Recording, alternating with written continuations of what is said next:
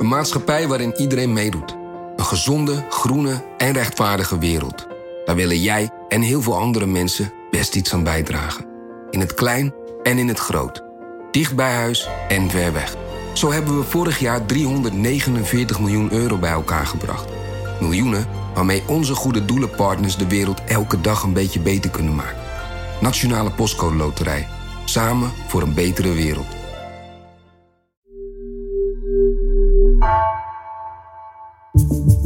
Vanaf de redactie van NRC het verhaal van vandaag.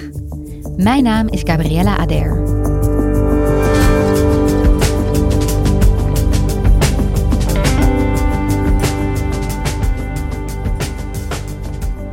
Vanaf het begin van de oorlog vraagt Oekraïne om tanks. Lange tijd weigerden de westerse bondgenoten om die te sturen. Maar daar lijkt nu verandering in te komen. Buitenlandredacteur Simone Peek vertelt waarom westerse tanks het verschil kunnen maken in deze cruciale fase van de oorlog.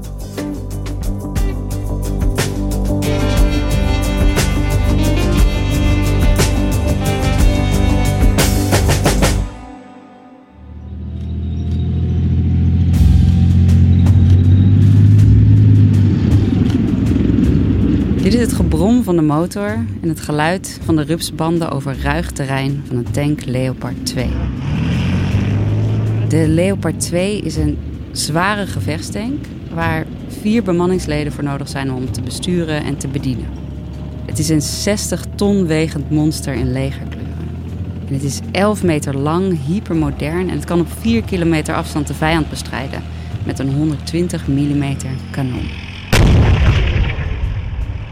Ik heb iemand gesproken die erin heeft gezeten en die zegt op het moment dat dat kanon afgaat, is niet normaal hard.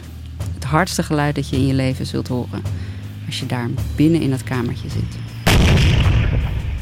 Zo'n tank is bedoeld om andere tanks aan te vallen, maar er zit ook een mitrailleur op. Mochten er uh, infanteristen dicht bij de tank komen die hem willen saboteren, dan kun je die neerschieten. Deze Leopard tanks worden in Duitsland geproduceerd en ze krijgen niet voor niets de naam Leopard. Want dat betekent luipaard. En zo'n tank maakt van de mens echt een levensgevaarlijk dier.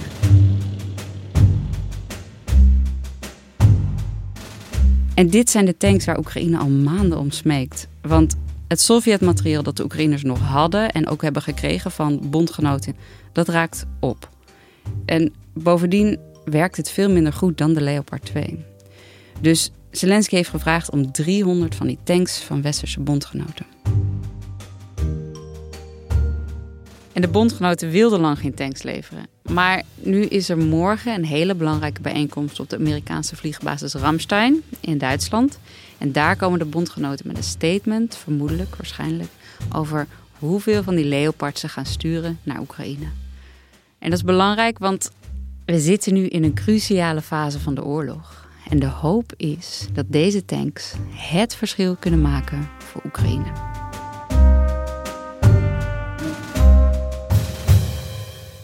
Hoe is de situatie nu in Oekraïne waardoor ze die tanks nu zo nodig hebben? De situatie op dit moment is zo dat de strijd gewoon al bijna een jaar gaande is. Heel veel materieel is op. Uh, er zijn ongelooflijk veel soldaten om het leven gekomen. En de vergelijking is ook wel getrokken dat deze twee strijdende partijen nu als een soort van heigende boksers in elkaars armen hangen.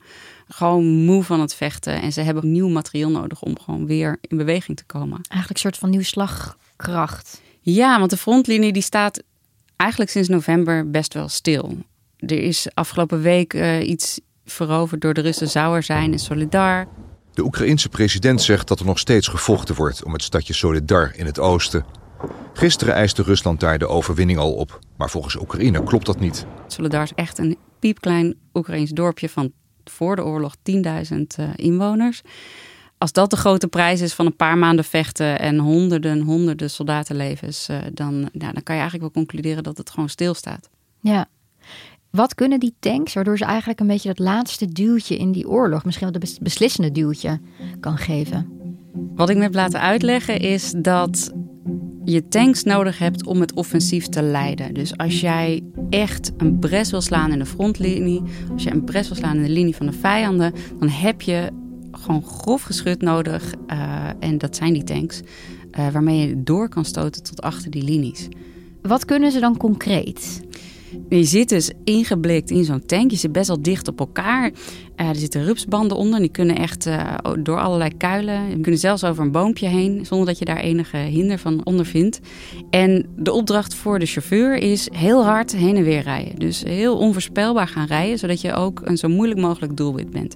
Dus zo hard mogelijk rijden. Zo ver mogelijk naar achter. En heel hard zigzaggen. Zodat die andere tanks aan de overkant jou niet kunnen raken. En ondertussen is de Leopard, die is wel in staat om ook op dat moment nog te richten. Dus hoe wild je ook rijdt, dat kanon, die eh, beweegt onafhankelijk daarvan. Um, dus dat is opdracht van de rest van de bemanning. En er zit één iemand die probeert te, in de gaten te houden waar je heen moet en de coördinaten door te geven. En om de rol van die tank in het gevecht beter te begrijpen, heb ik gebeld met luitenant-generaal buitendienst Marten Kruijf. En hij heeft het me eigenlijk heel helder uitgelegd. Want hij vergelijkt het slagveld met een soort orkest, een samenspel van gevecht. Als je kijkt naar eenheden op eh, de grond, hè, die treden op, en dat woord hoor je vaak in een uh, brigade. En die voeren in het uh, gevecht, in onze westerse wereld noemen we dat het gevecht van verbonden wapens. Nou, in de naam zit al een beetje. En dat lijkt op een orkest met verschillende kwaliteiten die je moet hebben. Ja, waaruit bestaat het orkest volgens de Kruif? Volgens hem is de dirigent is de brigadecommandant. Dus die zegt, en nu daarheen, en nu daarheen, en nu doen we het zo. En die zorgt er dan voor dat de mix van instrumenten perfect samen gaat spelen. En die instrumenten, dat zijn vijf onderdelen volgens Mart. Hij noemt vijf pijlers. En de eerste is de logistiek. Dat uh, als zo'n tank bijvoorbeeld eventjes stuk is... dat er ook een onderdeeltje heel snel bijvoorbeeld naar voren kan... om hem snel weer te repareren. Um, maar ook als er iemand vooraan gewond is geraakt, dat hij ook snel weer naar achter kan. Dus dat is heel belangrijk. Je hebt uh, een, een, instrument, dat zijn de ogen en de oren, dus de inlichtingen. Dat noemen wij dan de inlichtingen en de verkenners. Dus mensen die in het voortrein zitten en die kijken en luisteren. Waar zit de vijand? Dat zijn je ogen en de oren. Dan heb je de ondersteuners. En dat zijn bijvoorbeeld mensen die heel snel een brug kunnen bouwen. Een soort pontonbrug bijvoorbeeld. Maar ook mensen die heel snel een brug kunnen opblazen als dat nodig is. En dan heb je de infanteristen. En Mart noemde dat de mensen met een lunchpakket en een geweer. En die gaan te voet. Nou, die uh, infanteristen die zijn in staat om op korte afstand in het terrein te vechten. En dan moet je denken aan bossen, kleine dorpjes, steden. Die zijn in staat om op korte afstand het uh, gevecht aan te gaan. Wij noemen dat met een, uh, een mooi cruciaal woord het handgemeen. En dan de vijfde pijler, het vijfde instrument. En dat is die tank. Um, dat is het slagwerk van het orkest, dat is de trom. Als degene die het ritme aangeeft, die gaat hard vooruit en zorgt daarmee ervoor dat de rest erachteraan kan komen. Die, die kan dan de ruimte die hij achter zich laat, uh, die hij veilig heeft gesteld, in gaan vullen. Als het trein open is, dan gaat de tank voorop. Dan leidt de tank het gevecht. Dan kan hij zijn uh, mobiliteit en zijn dracht van zijn vuur kan hij maximaal kan hij gebruiken. De tanks zijn dan het uh, slagwerk en de blazers zijn dan de infanteristen. Simone, um, Oekraïne wil dus heel duidelijk hè, hun slagkracht vergroten. Maar je zei in het begin ook al dat de bondgenoten in het begin een beetje huiverig waren om die tanks te leveren. Hoe staan die bondgenoten er nu in? Nou, eerst waarom ze huiverig waren, is die oorlog is heel dichtbij in Europa. En de Europese bondgenoten die trekken zich die oorlog heel erg aan. Die zijn er ongelooflijk van geschrokken. Ook van hoe bruut het is. Dus die zijn vanaf het begin af aan al echt heel erg betrokken. Maar tegelijkertijd willen ze kosten wat kost voorkomen dat ze zelf ook in oorlog raken met Rusland. Dus ze willen echt zorgen dat er niet geëscaleerd wordt. En daar zijn ze de hele tijd aan, naar aan het kijken. Van uh, hoe voorkomen we dat we een aanval van Rusland zelf uitlokken? Ja, en zijn de bondgenoten ook niet een beetje bang voor Rusland? Ik bedoel, het is natuurlijk een groot land. Uh, Poetin die slaat uh, nou, flinke taal uit. Ik denk zeker dat de Europese bondgenoten heel erg bang zijn voor Rusland. Ze willen echt niet in oorlog belanden. En werd altijd gezegd dat Rusland is het tweede grootste leger ter wereld. Dat wordt inmiddels in twijfel getrokken uh, door hoe de oorlog verloopt. Maar van wat we zien in Oekraïne, oorlog is ontzettend lelijk. Het kost ontzettend veel mensen hun leven. Het kost ontzettend veel financieel gezien. Het maakt gewoon alles kapot. Ja, je zegt het net zelf ook al. Ik bedoel, uh, ze dachten Rusland is het tweede grootste leger ter wereld. En dat valt dus tegen. Ja. Rusland is nog steeds wel in de game. Ze zijn nog steeds aan het aanvallen. Maar wat we nu zien is dat Rusland zich best wel verslikt heeft in deze aanval. Ze komen gewoon eigenlijk niet verder. Ze hebben alweer gebied moeten opgeven. Ze staan er gewoon steeds zwakker voor. En dat maakt ook dat de bondgenoten van Oekraïne nu beginnen te denken van hoe meer we Oekraïne helpen, hoe groot. De kans is gewoon groot dat ze Rusland echt nog kunnen terugdringen. En de kans wordt steeds kleiner dat Rusland zelf gaat riskeren om echt vol in oorlog met de NAVO te komen. En daarom zien we ook dat er uh, nu overwogen wordt om dus die tanks te sturen. Ja, en um, Zelensky wil dus 300 van die tanks. Waar komen die vandaan? Wie hebben die tanks? Ja, 300 is echt heel veel. Want de Europese bondgenoten er gaan van die lijstjes rond. Um, ik weet niet precies hoe betrouwbaar die zijn. Maar 300, dat is zeg maar de voorraad van één heel goed bevoorraad land. Um, dus de kans dat hij er echt 300 gaat krijgen, ja, dat gaan we zien vrijdag, wat dat wordt. Maar wat we wel al zien is dat Polen bijvoorbeeld heeft gezegd: wij zijn bereid er 14 te geven. Uh, dat het Verenigd Koninkrijk, die heeft zelf tanks, de Challenger 2. En uh, die gaan er ook 14 geven. Groot-Brittannië gaat tanks leveren aan Oekraïne. Tot nu toe durfden landen het niet aan om die te leveren. Maar Groot-Brittannië nu dus wel, als eerste. Dus als je dat zo op begint te tellen, ja, ik weet niet of we bij de 300 komen, maar dat is wat hij heel graag wil. En uh, gaat Nederland eigenlijk tanks geven? Nee, want wij hebben die Leopards helemaal niet. Maar we dragen wel financieel bij aan de oorlog. Half december werd duidelijk dat Nederland bijna 1 miljard heeft uitgegeven aan uh, Oekraïne. En daarvan is er 25 miljoen bedoeld voor expliciet niet aanvalsmaterieel. Wat bedoel je daarmee? Nou, kleding, voeding, beschermmiddelen. Uh, en de rest, dat is grotendeels geheim. Maar je mag er wel van uitgaan dat een groot deel daarvan gewoon wapens zijn. Nu gaan ze in, uh, in Duitsland, in Ramstein, gaan ze dit dus bespreken, die bondgenoten, over het leveren van die tanks. Wat is hun aarzeling daarin? Nou, wat ik nu nog niet genoemd heb, is uh, dat dit eigenlijk heel erg hangt op Duitsland. En de reden is dat die Leopard, dat is een Duitse tank, dus die moeten toestemming geven om ze door te sturen. Die, die Leopard tanks, dat zijn een product van de Duitse defensieindustrie en die worden in Duitsland geproduceerd.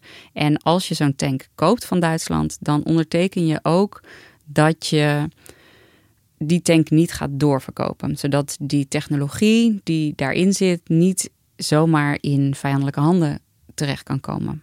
Dus stel je voor, ik ben Polen, ik heb die uh, Leopard tanks, dan moet ik alsnog aan Duitsland vragen om ze te mogen geven aan Oekraïne.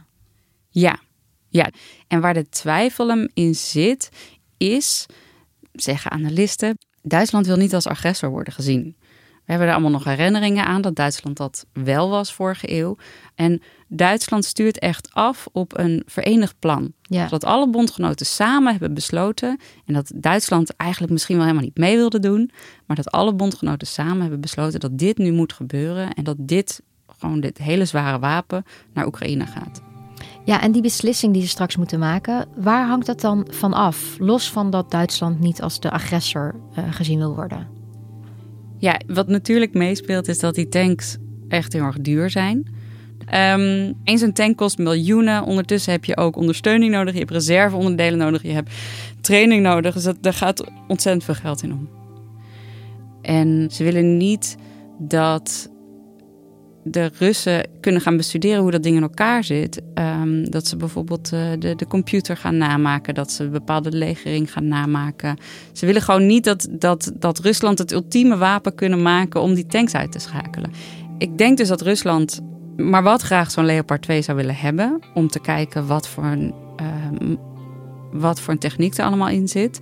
Um, en er is dus ook op het moment dat jij zo'n tank moet verlaten, is er een hele routine dat je die tank dus zelf ook opblaast. Om te voorkomen dat die vijand er niks meer mee kan. Oh, wauw. Dus je hebt vier granaten liggen om vier cruciale technische elementen van die Leopard op te blazen en je dan uit de voeten te maken. Het leveren van die tanks met heel duidelijk het doel het uitschakelen van uh, Rusland. Wat doet dat eigenlijk met de relatie tussen die bondgenoten van de Oekraïne en Rusland? Ja, ik denk dat die echt op een dieptepunt zich bevindt op dit moment. Er is bijna geen relatie meer. Um, de vrees was natuurlijk dat we echt in een vijandige situatie zouden komen met Rusland. En dat Rusland ook op Europa zou beginnen te schieten. En wat er nu veel gezegd wordt, is, is dat Rusland reageert op macht. Dus als jij laat zien dat je niet met je laat zollen, dan stopt Rusland ook met aanvallen. Dat is nu een beetje de, de gangbare theorie uh, rondom wat er moet gebeuren in Oekraïne en ook wat Europa moet doen. Europa moet gewoon laten zien, we gaan hier niet voor staan. En we hebben ontzettend veel wapens om dit standpunt te ondersteunen. En um, is de verwachting dat die tanks nou ook echt zoveel gaan opleveren? Nou ja, wat bijvoorbeeld Marten Kruijf zei, is dat, uh, dat dit echt het verschil kan gaan maken. En niet alleen die tanks, hè, er gaan ook honderden panzerwagens die kant op. Er gaan nog allerlei andere soorten wapens die kant op. Dus weet je, de, de, het gaat echt om dat orkest. En het lijkt erop dat de rest van het orkest redelijk op sterkte aan het komen is. En dat die tanks echt nog de cruciale missing link zijn. Om te zorgen dat het echt verschil kan gaan maken. Ja, dus het orkest mist eigenlijk gewoon alleen de trommel. Ja. Um, ja, wat als die doorbraak dan toch mislukt? Hè? Wat gaat er dan gebeuren? Wat zijn, wat zijn de vervolgstappen? Nou, het sturen van die tanks was heel lange rode lijn. Daar wilden we niet aan beginnen. En dat lijkt nu echt op te schuiven. Zeker nu Groot-Brittannië heeft gezegd van we gaan dit wel doen. Uh, we gaan die tanks sturen. De volgende eventuele escalatie waar de bondgenoten ook echt nog niet uh, aan toe hebben willen geven, is het sturen van lange afstandsraketten voor het raken van doelen binnen Rusland. En wat de bondgenoten echt niet willen, is soldaten zelf sturen. Dus de NAVO wil geen soldaten sturen daarheen. En dat schuift ook al een beetje op, omdat er dus wel trainers die kant op gaan om het NAVO-materieel te gebruiken. Um, maar goed, dat is allemaal nog heel ver weg. Uh, wat we nu gaan zien is, komen er tanks? En zo ja, hoeveel dan? Als er een paar worden gestuurd, dan gaat het zeker geen verschil maken. Dus ze hebben echt gewoon een, een grote hoeveelheid tanks nodig en een goed plan.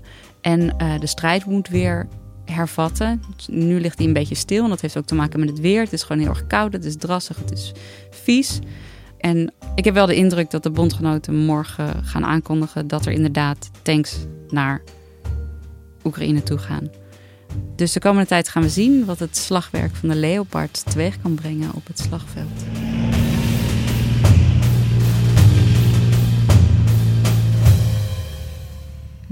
Heel benieuwd. Dankjewel, Simone. Graag gedaan.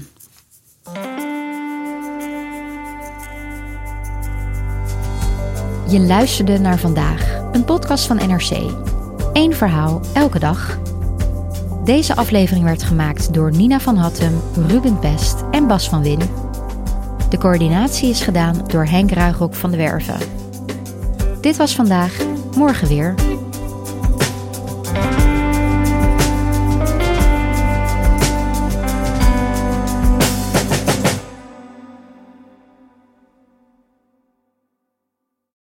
De financiële markten zijn veranderd, maar de toekomst, die staat vast.